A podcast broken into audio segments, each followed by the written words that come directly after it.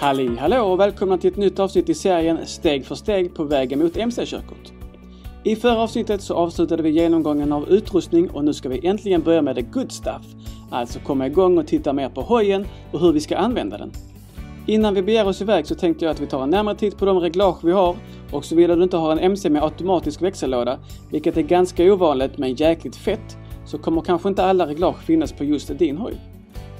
Om vi tar en titt på en motorcykel ifrån sitsen så har vi här till vänster ett kopplingshandtag som vi greppar med fingrarna på vänster hand. Vissa föredrar att endast använda ett eller ett par fingrar på kopplingshandtaget och det kan du väl med prova.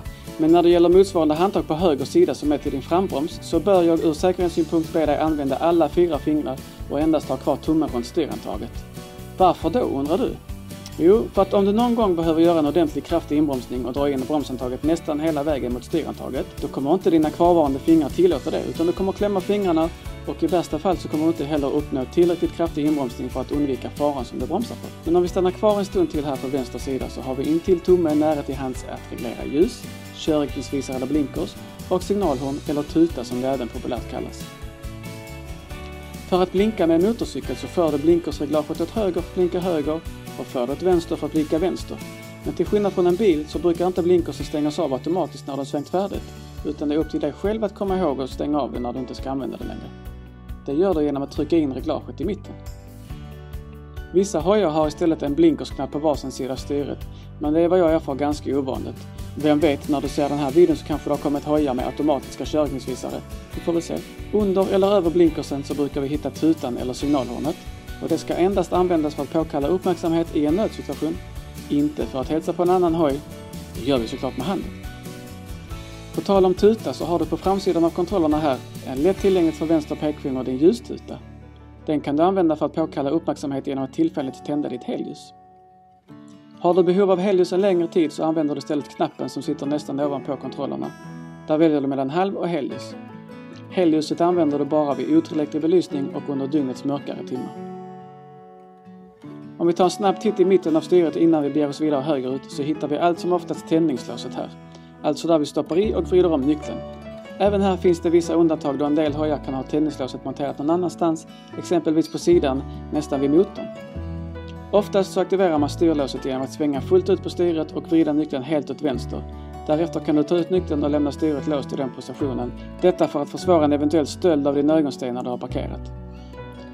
För att kunna starta din motorcykel ska du istället vrida nyckeln ett eller flera steg åt höger. Därefter följer några steg som vi strax kommer till.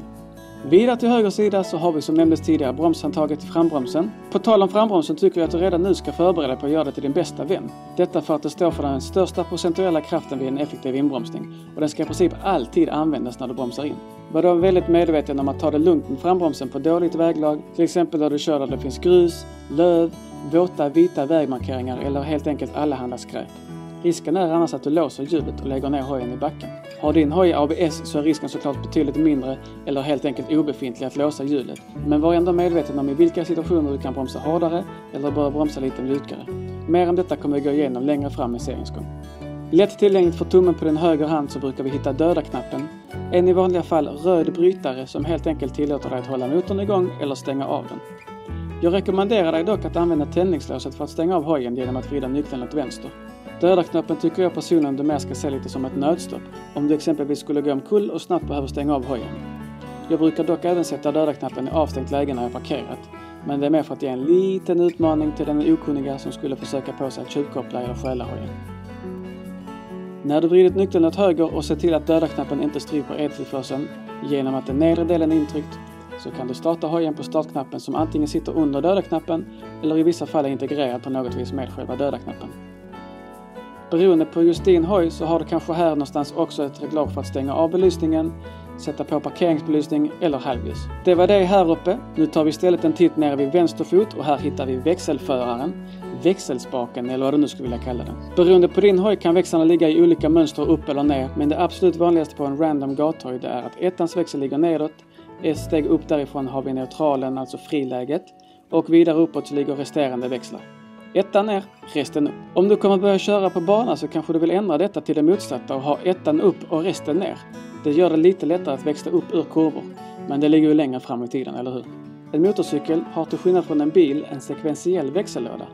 Det innebär att du kan inte hoppa över en växel hur som helst utan du måste mekaniskt klicka dig igenom dem. 1 till 2 till 3 till 4 och så vidare. Eller ja, du kan förvisso börja från tvåan men ni förstår nu principen. Och du kan fortfarande om du vill hoppa över växlar genom att ge tusan i att släppa kopplingen innan du klickat i dig till önskad växel. Koppling och växel samverkar för att köra kommer vi gå igenom i nästa avsnitt där vi ska hitta dragläget. Glöm inte att prenumerera för att inte missa det.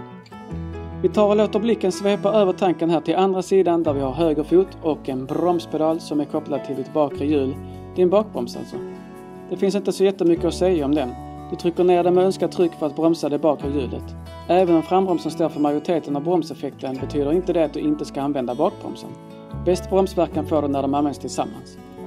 Saknar din hoj ABS så är det ett bra tips att ta det lite försiktigt dock med bakbromsen så du inte råkar låsa bakhjulet. Det är relativt lätt hänt även om väglaget är bra. Och det mina vänner var det om reglagen på MCn. Hoppas ni börjar känna er lite varma i kläderna för nästa gång ska vi börja köra! Tack för att ni hänger med! Följ mig gärna på Instagram och har du inte redan gjort det, prenumerera både i din poddspelare på Youtube. Sen blir jag alltid glad om ni vill lämna en liten kommentar.